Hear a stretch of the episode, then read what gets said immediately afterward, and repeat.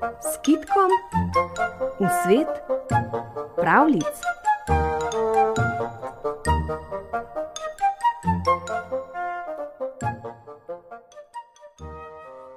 Svoje dni je hodil majhen deček v gospodarva. Nekega dne je šel mimo globoke jame, spozelo mu je in je padel vanjo.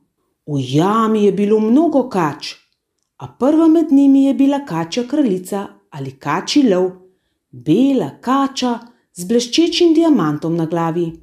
Deček se je bal kač, vendar mu niso nič hudega storile. Naglo se jih je privadil, le lačen je bil. Videl pa je, kako ližejo kače neki kamen, pa ga je začel tudi sam lizati.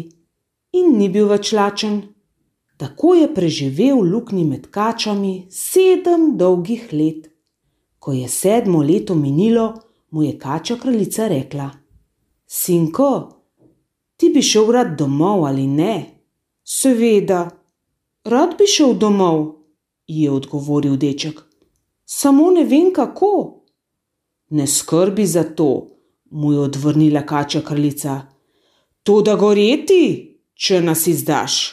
Deček je prisegel kači kraljici, da je ne izda, potem ji je sedel na rep in ona ga je vrgla iz jame. Deček je šel vesel proti domu. Vsi domači so se mu zelo čudili, ker so mislili, da je že davno mrtev. Na vse načine so ga domači prosili in silili, naj jim pove, kje je bil toliko časa.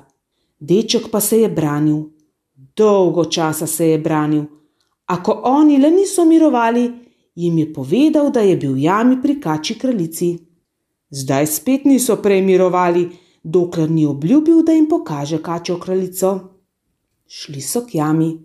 Deček je splezal na deseto bukov od jame in glasno zažvižgal.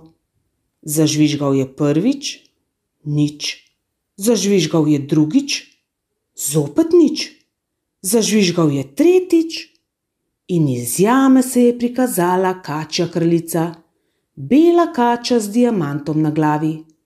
Žalostno je spregovorila: Sinko, sinko, zakaj si mi prisegal, da me ne izdaš? Potem je rekla navzočim, naj pusti, da se še enkrat obrne. A ko se je obrnila, je podrla devetero bukev, le desete ni mogla, na kateri je čepil deček. Sreča njegova, da je splezal na deseto bukev, kajti drugače bi bilo po njem.